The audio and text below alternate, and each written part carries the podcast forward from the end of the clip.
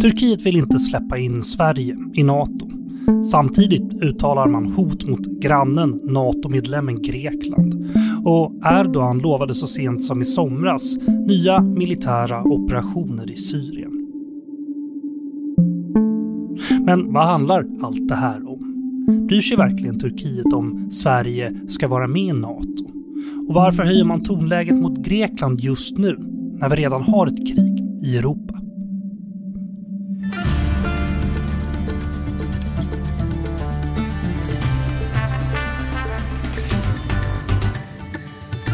Du lyssnar på Utrikespolitiska institutets podd Utblick och jag heter Jonas Lövenberg. I det här avsnittet ska vi prata om NATO-landet Turkiets utrikespolitik. För under de senaste månaderna har det kommit flera utspel från Ankara som skapat osämja både med grannar och allierade. För att hjälpa mig och er att förstå det här bättre har jag med mig Aras Lind, analytiker vid UIs Mellanöstern och Nordafrika-program. Välkommen! Tackar! Och Bitte Hammargren, journalist och associerad senior medarbetare vid UIs Mellanöstern och Nordafrika-program. Välkommen du med! Tack! Det är en flådig titel du har. Ja, det är väldigt lång. ja.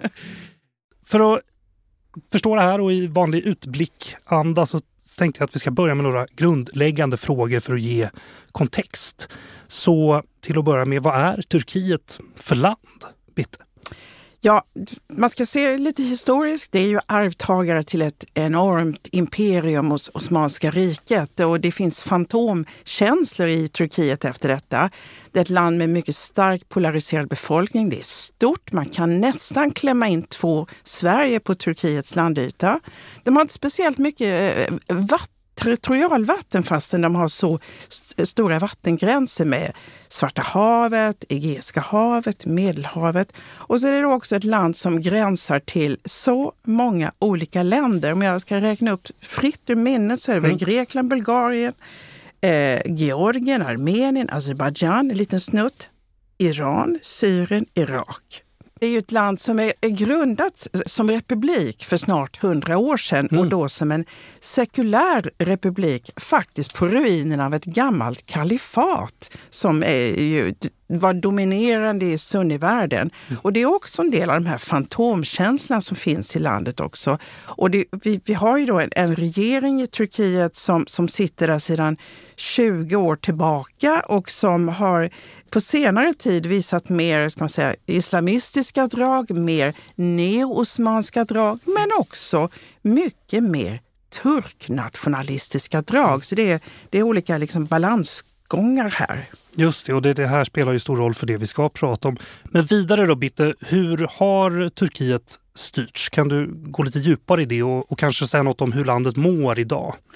Ja, alltså det är ett land som har, en, en, som har val, men landet har ju inte någon liberal demokrati. Det är Nej. oerhört auktoritärt styrt idag. Det har aldrig varit en genuint liberal demokrati för att det har varit sådana mekanismer i staten att militären har haft en tongivande roll. Det Erdogan har gjort är att han har pressat militären mer in i barackerna och så småningom har han då med tiden efter det misslyckade kuppförsöket och utrensningar lutat sig mot de delar av militären som han litar på. Mm. Och han har också knutit sig till de gamla ultranationalisterna som han nu har mm. bildat en allians med. Och det där är ju ganska nytt för ett turkisk politik att han har gjort så. För tidigare så lutar han sig mot en islamisk rörelse, Gülenrörelsen, som nu är terroristförklarad. Mm. Och istället så har han då ultranationalisterna som sina allierade. Tidigare så gjorde han öppningar mot kurderna. Nu är han, eh, driver han en politik som beskriver kurdfrågan som ett terrorproblem och det tror jag vi kommer in på mer sen. Ja. Mm. Men alltså detta är ju ett land som har val, som kommer ha val igen och där oppositionen tror att de har chans att vinna nästa president och mm. parlamentsval fastän det är så auktoritärt styrt. Så det är väldigt mångbottnat fascinerande. Ja. Vill du säga något om det här? Alltså, har du något att tillägga? Nej men det är verkligen så. Det som har varit genomgående för de senaste 20 åren i turkisk politik har ju varit att egentligen ingenting är heligt och att alla frågor kan användas rent instrumentellt för att liksom ytterst säkra makten. Det är liksom det genomgående, det enda genomgående temat som har präglat eh, AKPs politik. Vad har Turkiet för ställning i internationell politik då? Ja, alltså, om vi tittar först på Europa så är Turkiet medlem av i stort sett alla stora europeiska samarbetsorganisationer utom EU. Det mm. var ju det som faktiskt var Erdogans mål för 20 år sedan. Men, men där stötte han på patrull och nu är stämningarna i, i, ganska iskalla på båda sidor när det gäller mm. EU-medlemskap. Turkiet är medlem av Nato sedan 1952. Det är också Grekland lika länge. Samtidigt så är då Turkiet ett land som inte deltar i EUs eller NATO-ländernas sanktioner mot Ryssland. Turkiet är väldigt beroende av Ryssland av mm. ekonomiska skäl. Och det intressanta är att gentemot NATO-landet Turkiet så är det är närmast alltså en så het retorik från båda sidor att det är en del som kallar det för krigsliknande retorik. Det tror dock inte jag, men det är intressant att se att de här NATO-grannarna är som hund och katt mm. medan Turkiet har eh, väldigt goda relationer till Putin och jag skulle säga att det beror på att Erdogan faktiskt har böjt sig för Putin. Mm -hmm. Aras, vill du säga något om det? Ja, men det är väl en uh, utveckling som, uh, om, man, om, man, tittar bakåt de senaste kanske tio åren så, mm. så brukar man ibland beskriva ett Turkiet på glid från det västliga samarbetet och mer österut. Egentligen handlar det väl kanske egentligen om att, att uh, Turkiet försöker karva ut en, en egen väg här, en, en slags självständig mm. utrikespolitisk ställning i, och liksom söker balansera relationerna mellan mm. väst å ena sidan och öst å andra sidan och då Ryssland mer specifikt i det här. Som sagt så är Turkiet inblandat i flera situationer där landet är oense med grannar och allierade på olika sätt. Och eh, Vi kan börja med hur det påverkar Sverige. Efter Rysslands intåg i Ukraina så ansökte både Sverige och Finland om medlemskap i Nato. Samtliga nuvarande medlemmar måste godkänna ansökningarna och hittills har Turkiet då som enda land sagt nej till ett svenskt och finskt inträde i, i försvarsalliansen. Varför då? Vet du?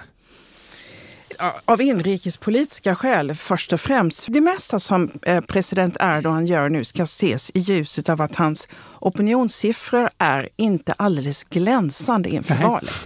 Och att spela ut det turknationalistiska kortet, det stärker honom i opinionen. För att de stämningarna finns eh, väldigt brett i den turkiska opinionen. Då spelar man ut kortet eh, eh, när det gäller frågan om PKK. Sen kan man ju resonera i hur länge klarar Turkiet av att hålla den här linjen om det blir så att alla andra NATO-länder kommer ratificera ansökningshandlingarna. Men, men eh, alltså, stämningarna har blivit så mycket mer polariserade mellan den del av befolkningen som, som beskriver sig som turkar men som också innehåller en rätt stor mångfald egentligen. Mm. Och eh, den del av opinionen som eh, är mer pro PKK eller mer eh, pro kurdisk. Alltså, vad är det för skillnad på de här begreppen? Man ska inte blanda ihop hela kurdfrågan och, och eh, PKK. Nej, men PKK är ju en kurdisk rörelse i Turkiet. Mm. Eh, men, men Turkiet har ju en stor kurdisk befolkning mm. och, och, kurderna har ju precis som alla en rad olika politiska inriktningar. Vi ska komma ihåg att det finns också en förhållandevis konservativ kurdisk landsbygd som själva stöttar Turkiet i det här. Och eh, det finns också en hel del andra mindre kurdiska rörelser som, som eh, inte står bakom PKK.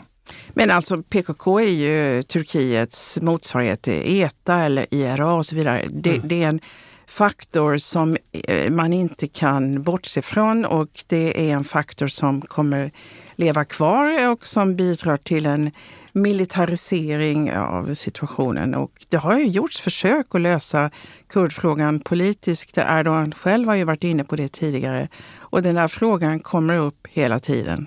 Hur länge har Turkiet då klagat på den svenska inställningen till, till PKK och eller till kurderna då, hur vi nu ska se på det, Aras? Mm. Sverige brukar ofta beskrivas som det första europeiska land som har terrorstämplat PKK Aha, på 80-talet. Mm. Men med det sagt så har ju PKK-sympatisörer haft en fristad i Sverige. Man har kunnat organisera fester och demonstrationer och möten och andra former av aktiviteter. Turkiet har nog alltid haft eh, synpunkter på att flera europeiska stater har erbjudit den här typen av fristad till mm. PKK-sympatisörer, även om det inte alltid har vädrats så offentligt som kanske sker idag, kanske Nej. då specifikt med tanke på, på Nato. Vi ska ju komma ihåg det, precis som Bitte var inne på här, att det finns en inrikespolitisk aspekt i Turkiets kritik mot det svenska NATO-medlemskapet. Mm. Erdogan och AKP hoppas kunna putsa på sina opinionssiffror i, i de stundande valen. Och och därför är det förstås väldigt effektivt att väldigt öppet vädra sin kritik mot, i det här fallet då Sveriges, Sveriges roll som fristad för PKK-sympatisörer. Och det är klart att när man i turkiska medier kan visa hur liksom PKK-flaggan exponeras i svenska demonstrationer eller man lyser upp bilder av den livstidsdömde eh, PKK-ledaren Öcalan och så vidare så bara förstärker det de stämningarna mm. i Turkiet av att Sverige är liksom en, en fristad för terrorism. Det är, det är en berättelse som, som finns väldigt starkt i Turkiet just nu och som syns i medierna. Men sen tycker jag man kan säga att Sverige och Turkiet har ju under lång tid haft en mm, den kurdiska frågan har legat och puttrat. Jag tänker på mm. under den tid när Anna Lind var utrikesminister. Eh, ja. Hon var ny, jag var politisk reporter på den tiden. Och då så ville Anna Lind inte resa till Turkiet, som ju var ett kandidatland till EU om hon inte fick åka till Diyarbakir som är eh, provinshuvudstad i den eh, kurddominerade delen av sydöstra Turkiet. Och eh, regeringen Ecevit sa nej, hon fick inte åka dit. Och sen kom Erdogan till makten och, och då öppnade sig möjligheten för henne att resa dit. Det visar också att det var en attitydförändring från Turkiets sida då som möjliggjorde för en svensk attityd. Och den där kan man säga, attityden i Sverige att man ser den det kurdiska problemet, det finns ju många partier. Det finns ju i båda blocken också. Turkiet har ju då ställt krav på Sverige i den här frågan. Alltså, kommer Sverige då eh, med regering ledd av Ulf Kristersson behöva gå med på någon av Turkiets krav här? Och vad skulle det innebära? Annars... Ja, men jag tror att det, man får tänka på det så här, att mm. det beror på hur man bedömer vad skälet till Turkiets invändningar är från första början. Mm. Så om det är så att det som Turkiet säger, att man känner en oro för sina säkerhetsintressen, ja mm. då, då har vi en låsning. För Sverige kan inte eh, följa vad som står i det här avtalet med mindre än att man behöver göra inskränkningar på rättssäkerheten. Mm. Men är det så att Turkiet använder det här av taktiska skäl, inrikespolitiskt inför valet, nej men då, då kanske det inte är så att Sverige behöver göra några större eftergifter. Och samma sak gäller om det är så att det här är en del av ett utspel för att kunna få någonting i utväxling, i utbyte. Eh, till exempel en eftergift ifrån USA. Det har varit på tapeten. Eh, försäljning av nya F16-plan. Mm. Då handlar det inte så mycket egentligen om vad Sverige gör eller inte gör heller. Så det beror helt och hållet på hur man väljer att tolka skälet till Turkiets invändningar. Men om man nu kommer fram till att man behöver gå med på några krav, liksom, vad innebär det då? Nej, men det skulle kanske kunna uh, ses som en sorts parallell till när Anna Lindh gick med på utlämning av uh, egyptier som mm. blev väldigt illa tilltygade i egyptiska fängelser och det blev en skandal som drabbade Anna Linds rykte. Mm. Jag tror inte att, alltså, att Sverige kan tumma på sin rättssäkerhet. Min egen uppfattning är att vilken sida är det som har bäst förutsättningar att säga att tiden är på vår sida? Är det Finland och Sverige eller är det Turkiet? Och jag menar att det är Finland och Sverige för att mm. våra länder har eh, säkerhetsgarantier från de viktiga NATO-länderna och det kommer bli svårt, som jag ser det, för Turkiet att till slut stå ensamt kvar i den övriga NATO-gruppen och säga nej till NATOs utvidgning som är så viktigt geografiskt sett för norra Europa. Det kommer att eh, straffa sig på olika sätt. Jag såg just idag att USA har hävt sitt gamla vapenembargo eller en visst embargo gentemot Cypern. Det där mm. känns ju också i Turkiet. Det Just finns liksom olika medel att visa missnöje från USAs sida gentemot Turkiet där man inte direkt säger att det här handlar om eh, deras eh, hinder mot Natos utvidgning. Men egentligen så ligger allting i korten. Tal om tidsaspekten ja. så vill jag verkligen bara instämma. Jag tror verkligen mm. att, att det är så att, att Sverige i det här fallet har tiden på sin sida. Mm. Jämför med, med hur det var i våras så var nog den socialdemokratiska regeringen mer angelägen om att få undan den här processen skyndsamt för att den inte skulle prägla valrörelsen. Mm. Nu när vi är förbi så är det Turkiet som står inför sin valrörelse Just. och som vi var inne på så är det här en stor, kommer vara en stor fråga i den turkiska valrörelsen. Alltså jag träffade en, en CHP-politiker för en tid sedan, alltså det är det största oppositionspartiet mm. i Turkiet, Republikanska folkpartiet. Och eh, den här personen menade att eh, Turkiet kommer inte i längden att kunna hålla emot eftersom eh, det också handlar om investeringar och det handlar om försvarspolitik. Det handlar om olika samarbetsformer som finns inom Nato som kan bli kostsamma. För även om Turkiet har väldigt goda förbindelser med Ryssland så kan de inte heller kosta på sig att bli isolerade från västländerna. För Ryssland är en gammal arvfiende. Det är bara att titta på geografin och historien. Mm -hmm. Men jag ville bara gå tillbaka till en sak du, du nämnde. Alltså, var, varför vill inte USA leverera flygplan till Turkiet? Kan du säga något kort om det?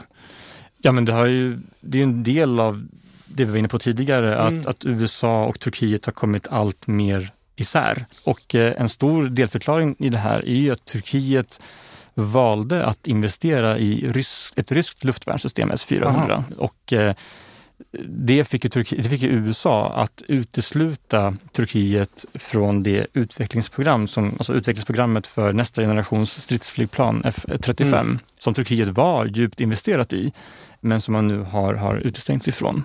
Erdogan har sagt att väst provocerat Ryssland och att det är anledningen till kriget i, att kriget i Ukraina fortsätter.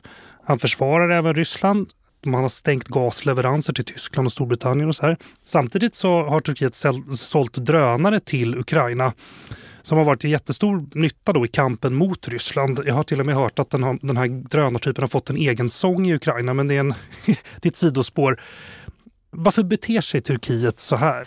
Ja, men Turkiet vill visa att det är en, en, en geopolitisk spelare som alla måste ta, ta i beaktning. Att Turkiet är underskattat som geopolitisk spelare. Turkiet har ett gammalt försvarssamarbete med Ukraina faktiskt. De har ju gamla relationer till krimtatarerna och så vidare. Mm. Och eh, de vill nu visa att det är de som behövs som medlare för att kunna få ut eh, spannmålsexporten ur Svarta havet. Och eh, när det gäller just den här drönarexporten till eh, Ukraina så försöker Turkiet eh, liksom visa upp ett sorts fikonlöv genom att säga att det här är inte en del av den statliga eh, vapenexporten. Det här är ett privat företag som har levererat detta till Ukraina. Samtidigt som det här, alltså drönarna TB2 Bayraktar är det stora prestigeprojektet för turkisk eh, vapenindustri och en av delägarna råkar vara svärson till presidenten själv. Så mm. det är ju väldigt svårt att hävda att det inte skulle ha någonting med den statliga politiken att göra. Men Ryssland är, tjänar samtidigt på att Turkiet spelar på ett helt annat sätt än övriga NATO-länder. Ryskt kapital kan ju då eh, gå in via Turkiet så att Ryssland eh, är, tror jag, gör inte för stor affär av detta för att de behöver Turkiet på ett annat sätt och de behöver Turkiet för att splittra NATO. Mm. Det är väldigt komplicerat. Mm. Ja, men, men, men och, Turkiet behöver ju också Ryssland med tanke på att man, som ja, var inne på, är precis. väldigt beroende ekonomiskt och handelsmässigt med, med Ryssland. Men, men, som du var inne på, så det handlar verkligen om att Turkiet vill profilera sig som en regional stormakt. Och Turkiet har ju kanske de senaste tio åren haft ett väldigt högt tonläge mot flera stater i, sin, i sitt närområde. Och och har haft en utrikespolitik som har eh, syftat till att inte ha problem med några grannländer, men som i princip har isolerat Turkiet. Det är nu först de senaste kanske tre åren eller så som vi ser att Turkiet har lagt om sin utrikespolitik och försöker närma sig sina grannländer igen och att, att kunna liksom ha den här typen av relation till både Ukraina och Ryssland samtidigt mitt under pågående krig är ett väldigt talande exempel för den politiken. Nu till en annan fråga som, som ju också har lite att göra med vad du precis sa här, alltså hur man förhåller sig till sina grannar. Det höjda tonläget mellan Turkiet och Grekland. Ja, Bitte, kan du kort förklara vad det är som har hänt de senaste månaderna här? Alltså kort, det är jättesvårt faktiskt. För att, eh. att det, det, handlar om eh, kampen om energikällor i östra Medelhavet. Det handlar om transportkorridorer för gasen. För Turkiet är stort men det är energifattigt. Turkiet har inte ratificerat havsrättskonventionen så de accepterar mm. inte de territorialvatten som Cypern eh, har som erkända vatten och har skickat ut till egna eh, militärt eskorterade forskningsfartyg för att söka på vatten som omvärlden säger är cypriotiska. Mm. Det leder till spänningar. Sen har du frågan med Egeiska havet som ju är en väldigt smal eh, ska vi säga, farled för Turkiets sida eftersom det är Grekland som äger övärlden. Mm. Och eh, Grekland vill nu utsträcka sitt territorialvatten från det som är det nuvarande gemensamt godkända 6 sjömil till 12 sjömil. Och då skulle det bli liksom ännu smalare del för Turkiets passage som är liksom livsviktig för dem upp till Istanbul och mm. Marmarasjön. Och, och, och, det där spetsar till läget. Samtidigt så har vi då en administration i USA med en president, Biden, som är väldigt tydligt pro-grekisk. Han har kallat sig själv för Bidenopoulos och då har eh, ja. Greklands premiärminister sagt nej men du kan ju kalla dig själv för Bidenakis istället, för så säger man på Kreta.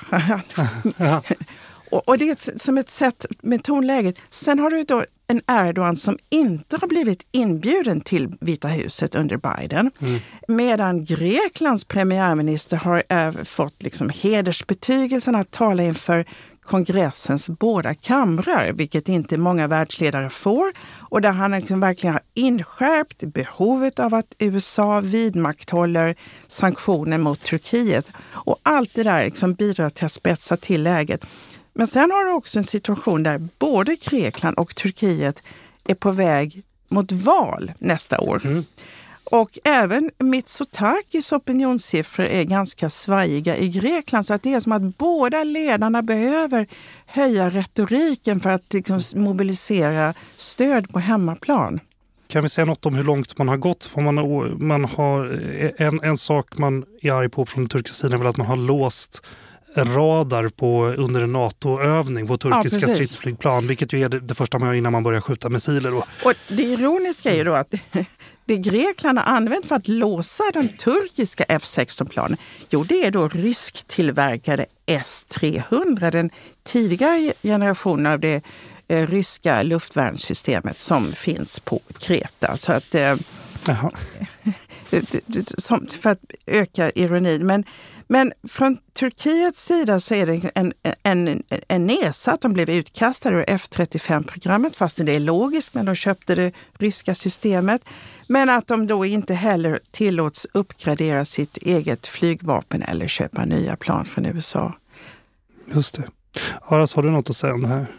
Nej, jag tänkte bara på att eh, Erdogan i ett rätt så uppmärksammat tal här för några veckor sedan mm. sa det i ett tal alltså riktat mot Grekland att vi kan komma plötsligt under natten Just det. för att, eh, men, riktat mot, mot öar som det råder eh, dubbla anspråk på så att säga. Och eh, det är ju också en, eh, en mening som har använts tidigare. Det är samma mening som som eh, man använde när Turkiet invaderade Cypern. Det är samma mening som förekom när Turkiet gick in i Afrin i, i nord nordvästra Syrien i en militär operation där för en eh, sex sju år sedan. Okej, okay, så ja, där finns ännu mer då signalpolitik i, i formuleringen? Apropå att det är ett högt tonläge och ja. att det här mm. verkligen ska man säga, väcker stort engagemang och stöd i, hos nationalistiska lager inför, inför stundande valrörelser. Men samtidigt är det jätteintressant att se, det gjordes nyligen en opinionsmätning i Turkiet som visar att 64 procent av de turkiska medborgarna anser att det finns ingen fiendskap mellan de grekiska och turkiska befolkningarna. Nej. Det är väldigt intressant att det är på det viset. Eh, utan att man ser det som att det här är ett, ehm, spel mellan regeringarna också. Mm. Det är ju båda EU och NATO-land som vi har pratat om. Alltså, kan det bli en splittring då inom Nato? I så fall i förlängningen kan det påverka konflikten i Ukraina? Hur hänger det här ihop? Ja, men det är ju en splittring inom Nato. Ja, det är, det, det, det är ju det de facto. Och sen har det ju faktiskt eh, under, över tid varit flera situationer när Grekland och Turkiet har varit eh, nära krigshandlingar. Mm. Så att det här är ju liksom en puttrande gryta för alliansen. Och det är klart att det påverkar kriget i Ukraina eftersom Turkiet inte deltar i sanktionerna mot Ryssland utan vi, vi vet ju inte ens hur mycket ryskt kapital som kan glida undan sanktionerna till Turkiet. Vi vet att ryska oligarker finns där till exempel. Varför tar vi ta vid där, där Bitte slutade så tänker jag att det... Jag tror ändå att man inom Nato ser att det finns en poäng med att Turkiet går en liten egen väg här i, i, i situationen mellan Ryssland och Ukraina att, att eh, Turkiet hittar en, en självständig väg helt enkelt. För att det dels ger en tillgång till Moskva som kanske annars inte hade varit fallet. Men också Turkiet, alltså under krigets första månader så gjorde Turkiet ett par försök att profilera sig som en fredsmäklare i det här kriget för att hitta en lösning. Och, och, det är möjligt att Turkiet är den typen av aktör som faktiskt både Ukraina och Ryssland kan acceptera att ha som, som vad ska man säga, moderator för fredssamtal. Ja, jag tror att det finns i Ukraina viss förståelse för att Turkiet måste driva en annan eh, utrikespolitik gentemot Ryssland mm. också. För det handlar mycket om geografin och ekonomin. I det höjda tonläget mot Grekland har Erdogans inrikesminister Süleyman Soylu anklagat sin granne för att träna vad han kallar kurdiska PKK-terrorister i ett flyktingläger utanför Aten. Det här har avvisats kraftigt då från grekiskt håll. Men PKK och kurderna verkar vara en återkommande faktor i den turkiska utrikespolitiken. Och Turkiet har också genomfört eh, off offensiver i både Syrien och Irak för att strida mot kurdiska styrkor där. Mot då YPG som dessutom var USAs och västallierade i kriget mot IS där. Och så sent som i juli i år så sa Erdogan att operationer i Syrien ska återupptas. Alltså, kan vi säga något om det här? Är, är alltid är alltid kurderna och PKK en, en ursäkt eller ett skäl för, för Turkiet att agera? Aras? Ja, men frågan om Turkiet och PKK framförallt var ju till en början en inrikespolitisk fråga, även om det fanns en del eh, faktorer som gjorde att eh, Syrien blev en relevant aktör här. Men i och med kriget i Syriens eh, utveckling och olika förvecklingar så har ju det här kurdiska självstyret i nordöstra Syrien uppstått som leds av PYG, PYD som har ideologiska band till, till PKK. Turkiet har ju genomfört två militära operationer mot det här huvudsakligen kurdiska självstyret de senaste åren. Tre operationer totalt in i Syrien, om man räknar med en mot IS också. Eh, och nu under sommaren så har ju Turkiet återkommande hotat med att ytterligare en militär offensiv kan vara på gång. Men samtidigt ska vi komma ihåg att det pågår kontakter mellan turkiska och syriska tjänstemän som handlar om att på sikt kanske återskapa någon slags relation. Turkiet kapade ju banden med Syrien helt och hållet när man la alla ägg i den syriska oppositionens korg för man trodde att Syrien skulle gå samma öde till mötes som ett, flera andra stater under den arabiska våren, att. Assad mm. skulle komma att avsättas. Och, och i och med det, om nu Turkiet och Syrien skulle komma närmare varandra, så uppstår en helt ny spelplan på många sätt. Och då blir det här självstyret i norra Syrien plötsligt en spelbricka i ett stort geopolitiskt spel mellan Turkiet och Syrien, men också USA som fortfarande har närvaro här och Ryssland som då stöttar eh, regimen i, i Damaskus.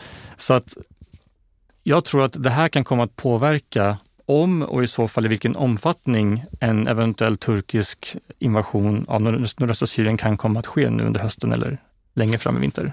Ja, för att det är ju Ryssland och Irans framförallt som har sagt nej till en ny turkisk operation eller, eh, eller inmarsch i norra Syrien. Och ur Rysslands synvinkel så, så handlar det om att de, de, deras primära intressen det är faktiskt att Turkiet återknyter sina relationer till regimen i Damaskus och, och, som Ara säger så blir då kurderna en bricka i detta spel. Det där har ju hänt tidigare. Så var det på eh, slutet av 90-talet när Assad-regimen eh, i Damaskus kastade ut Öcalan, alltså PKK-ledaren från Syrien och Libanons Bekardal och eh, klämde åt dem. Men det var liksom när Turkiet den gång hotade med krig. Så det finns en sorts precedens här också i mhm. detta. Mm. Och det där gör ju att eh, kurderna i norra Syrien får välja vilket som är den farligaste fienden för dem, om det är Damaskusregimen eller om det är Turkiet. Det är mm. på något vis ett, ett återkommande spel. Och mycket tyder faktiskt på att eh, Turkiet är på väg att stärka sina relationer till Damaskus. Man säger öppet att man har kontakter på mm. underrättelsenivå, utrikesministrarna har mötts och så vidare. Men och hur ställer sig då, vi är ju inne på det lite här, men om jag får ställa en fråga lite rakare. Alltså hur ställer sig den syriska regimen och även det irakiska styret till de här operationerna eller det här sättet för Turkiet att agera på? Syrisk mark är ju det vi pratar om nu, men även Irak, irakisk mark tidigare. Ja.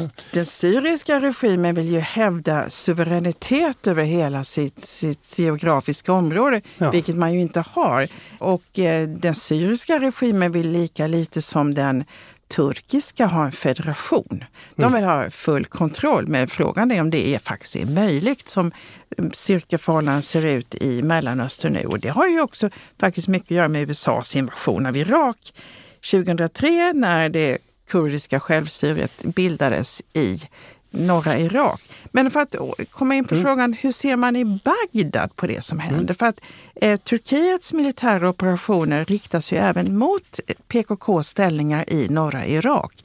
Det har varit väldigt uppmärksammade incidenter när vanliga irakiska araber, turister, har blivit dödsoffer i turkiska militära operationer och när Iraks ledare för övergångsregeringen har liksom sagt att det här egentligen skulle motivera irakiska vedergällningsaktioner mot. Turkiet när man gör detta. Men alltså, Irak har ingenting att sätta emot. Det är ett så svagt land med en sån problem att ens bilda regering och eh, de har inga möjligheter till detta. Sen tycker jag det är intressant att se också hur det kurdiska självstyret i norra Irak agerar, för de är ju inte PKK-are. Ja, men så här, det kurd... irakiska Kurdistan är ju, vad ska man säga, landomslutet och det är en federal delstat i Irak, men som eh, för att överhuvudtaget kunna överleva så är de väldigt beroende av, av eh, stöd.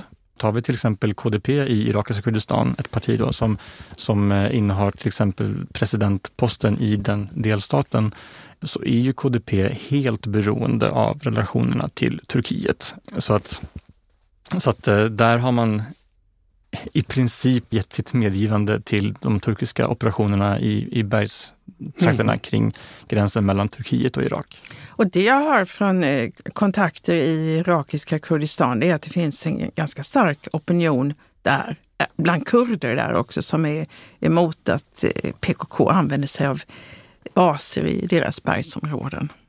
Sen är det ju som Ara säger, det är jätteintressant att se hur irakiska Kurdistan för sin ekonomi, för sin export av eh, olja och gas måste ha Turkiet. Det är, det är det som är vägen ut för dem eh, för att nå andra marknader. Men för jag har också skrivit en fråga här. Alltså, jag, vi har ju varit inne på det. Vad är skillnaden på YPG, PKK och kurderna i allmänhet här. Men jag undrar också om Turkiet ser någon plats överhuvudtaget för de här grupperna i, i världen. Tittar man på de olika kurdiska organisationer som finns mm. så har vi ju, PKK är ju en stor paraplyorganisation kanske man kan uttrycka det som. Mm.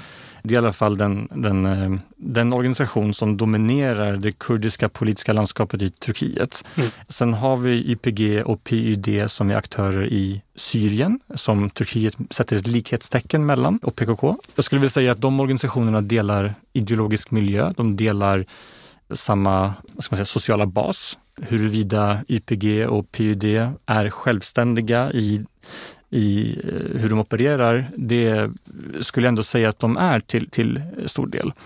Sen har vi andra stora kurdiska politiska rörelser som vi just var inne på. Vi ja. har ju KDP i Irak, men även PUK som är ett annat stort ja, eh, kurdiskt parti. Många bokstavskombinationer. Det är många bokstavskombinationer, precis. Så att, eh, det, det, är en, det är en svår fråga, men, men det är ju genom partier som kurder så att säga får någon form av liksom representation. Mm. Sen, sen har vi ju förstås också, som jag nämnde tidigare, Turkiet till exempel, en, en, en eh, väldigt många kurder som röstar på AKP. Som, som, det tenderar man att glömma ibland, men att, men att det är många, framförallt kanske konservativa kurder som primärt identifierar sig med sin religion som, som ser det ändå islamistiska AKP som, som sina primära företrädare. Så, så det, jag håller helt med dig. Det, det måste man verkligen se, alltså, ja. att det är så. Kurderna strävar ju efter att, skaffa sig ett eget land och en plats att vara på liksom, på olika sätt. Och jag undrar hur, mycket, hur, hur stort Turkiet ser det som ett problem. Om det är så att man får bo i Turkiet om man är kurd men att kurderna skulle ha ett eget land här i gränslandet mellan Irak och Syrien och Turkiet och så här. Nej, men det är ju det som är den st stora ångesten i, i den turkiska republiken. Det är ju det de, tanken på att det skulle leda till separatism, att man skulle förlora en del av territoriet. Mm. Och det går tillbaka till hur Osmanska mm. riket styckades för hundra år sedan. Mm. Det vi pratade om förut, fantomkänsla, allt territorium som förloras. Men idag är den kurdiska frågan i Turkiet inte isolerad bara till den sydöstra delen eftersom det är miljontals kurder som bor mm. västerut, Istanbul, Ankara, Izmir och så vidare. Så att det, det, det, det genomsyrar hela republiken vilket har förändrat Turkiet. Sen är kurderna i regionen så många att det här är liksom en faktor som inte kan eh, räknas bort av någon stat. De råkar ju vara flest i Turkiet, eh, vilket ju gör att Frågan skärps hela tiden i Turkiet men genom att det finns ett irakiskt eh, kurdiskt självstyre i, i norra Irak som lever kvar där eh, med en egen ekonomi så är det en faktor för, för eh, hela den regionala politiken. Och frågan om ombildning till federationer i Turkiet, i Syrien, kommer att leva kvar. Det kommer puttra på. Jag tror mm. inte att det, det är ingenting man kan bomba bort eller förbjuda. Jag håller verkligen med Bitte här att, att eh, frågan, alltså den kurdiska frågan kräver en politisk lösning. Ofta när man, när man eh, läser turkisk media framför allt så kan man lätt få intrycket av att, att så länge frågan med PKK löses, vare sig det är militärt eller inte, så skulle frågan vara utagerad på något sätt. Men, men precis som, som Bitte är inne på så bottnar ju frågan i ja, men egentligen eh, formerna för den turkiska ja, statsbildningen egentligen. Mm. Efter Osmanska riket. Som, den kurdiska frågan kan man säga uppstod i transitionen från det här äh, multietniska, multireligiösa Osmanska riket som, som sen blev en, en enhetlig nationalstat, även om ska man säga, det finns en rad folkgrupper och religiösa identiteter som har överlappande anspråk kan man säga, socialt och territoriellt och, och så vidare. Och eh, den nationalstat som vi fick med Turkiet har ju lämnat väldigt lite utrymme för eh, den kurdiska befolkningen att, att eh, tala kurdiska fritt. Idag ser det annorlunda ut än vad det gjorde för ja, men, 100 år sedan när republiken bildades. Men, men frågan går så att säga bortom den som rör PKK. Vi har varit inne på flera olika saker med alla de här olika små och stora konfliktytorna som Turkiet har. Hur ser omvärlden på landet egentligen? Aras? Ja, men om vi tar Europa då framför mm. allt. Eh, jag menar, Turkiet ansökte ju om EU-medlemskap ja, medlemskap i EUs föregångare redan på 50-talet mm. eh, och fick kandidatstatus till EU på 90-talet och mm. började medlemskapsförhandla då 2005. Och Turkiet har ju ja, men länge hållits utanför den europeiska, det europeiska, sam, europeiska samarbetet av olika skäl. Dels för att landet har Eh, ligger där det ligger. Dels på grund av dess demokratiska underskott, dels på grund av kanske dess religiösa identitet. Även fast det är ett sekulärt land så är det ändå primärt en muslimsk befolkning. Det har varit bidragande till att Turkiet hålls utanför. Därför så var ju tongångarna annorlunda när AKP från början kom till makten. Som vi nämnde i början så var ju Turkiet väldigt liksom västtillvänt och EU-inriktat, reforminriktat och, och jag tror många stats och regeringschefer i Europa hyste stora förhoppningar om att, att Turkiet genom AKP skulle liksom visa vägen för, för eh, hur man eh, förenar demokrati och eh, en, ska man säga, en milt islamistisk profil in i EU. De förhoppningarna kom ju på kant ganska omgående. Inte enbart Turkiet fel ska tilläggas, det är en diskussion för sig. Men, jag håller med dig i det. Ja, men, men det, är, det är en, en stor diskussion. Men den, den, liksom, de verkligt auktoritära tendenserna började skymtas för kanske lite bredare lager i Europa ja, men, runt 2011, 12, 13 någon gång. Kanske framförallt 13 under de stora Gezi-protesterna när eh, ja, men, breda lager av det turkiska samhället, äh, av samhället fick nog av, av AKPs äh, eh, politik på olika sätt. Vad säger vi om USA då, Bitte? Ja, alltså Turkiet som ny NATO-medlem tidigt 50-tal var tvunget att bevisa sin lojalitet med försvarsalliansen eh, på olika sätt. Det började med Koreakriget dit de skickade en brigad och sen så blev de en viktig spelare under det kalla kriget för, för, det, för USA mot Ryssland. Men sen har det gått liksom i olika faser fram och tillbaka. Jag tror inte vi kan uppehålla oss så mycket vid det, men under Bush invasion av Irak 2003 så kom det som en kalldusch för USA när eh, nationalförsamlingen i Turkiet inte röstade för att låta USA använda Turkiet som sin norra front mot Saddam Hussein. Mm. Men AKP, alltså president Erdogan röstade faktiskt ja vid den tiden. Mm. Eh, det ska man ju komma ihåg. Under Obamas tid som president så var det väldigt goda relationer till en början eftersom han trodde på det som Aras var inne på att Turkiet skulle stå som en förebild för eh, muslimska stater i världen som en muslimsk demokrati. Det var förhoppningen då. Sen hände det ju så mycket med Syrienkriget och det som kom in efter det. Och där, om man ska komma in mer på hur ser man på Turkiet i omvärlden så kan vi inte då bortse från de arabiska staternas syn på Turkiet. För att nej. Turkiet har, har mjuk makt, har liksom nått eh, många arabiska folkmassor genom sina tv-program, sina liksom, såpoperor som mm, har nått mm. en enorm publik. Men så blir det också en spelare i de arabiska ländernas inbördes konflikter som, eh, där Turkiet ju var en uppbackare av Muslimska brödraskapet, vilket ju gjorde flera stater väldigt avogt inställda till Turkiet. Turkiet var ju en viktig faktor i Libyen för att, för att tvinga bort eh, rebellkrigsherren Haftar. Turkiet hade ju hoppats på att president Morsi i Egypten skulle sitta kvar, den första folkvalde presidenten. Det blev ju iskallt mellan Kairo och eh, Ankara när han störtades. Det har varit iskallt mellan Turkiet och Förenade Arabemiraten. Mm. Men eftersom allting är föränderligt här så håller Turkiet nu på att återknyta sina relationer till dessa arabiska stater som har avskytt den turkiska politiken. För det finns andra gemensamma intressen i detta. Vi närmar oss slutet här, men vi ska också hinna titta lite framåt. Vad kan påverka Turkiets hållning i de här frågorna vi pratat om?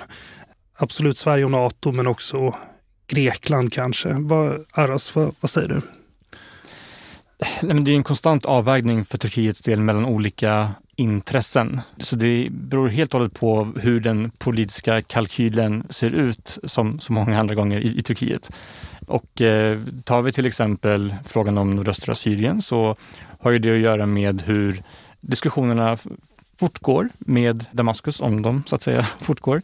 Det är många saker i vågskålen för Turkiet när det kommer till det. Det är inte bara nordöstra Syrien, det handlar också om de syriska flyktingarna i Turkiet till exempel, eller Turkiets stöd till den syriska oppositionen, eller Turkiets eh, närvaro på syriskt territorium. Så det är bara ett sådant exempel. När det kommer till Nato så har det också att göra med vilken liksom, utväxling Turkiet kan få på att blockera det svenska NATO-medlemskapet. Och eh, så här kan man liksom fortsätta resonera i andra frågor. Så att jag tror att det man ska ta med sig är att Turkiet och kanske framförallt Erdogan är en väldigt sån pragmatisk politiker, en väldigt pragmatisk aktör som inte liksom räds för att dra åt olika håll Nej. beroende på var han ser att han får ut mest av det. En, en annan fråga då, Bitte.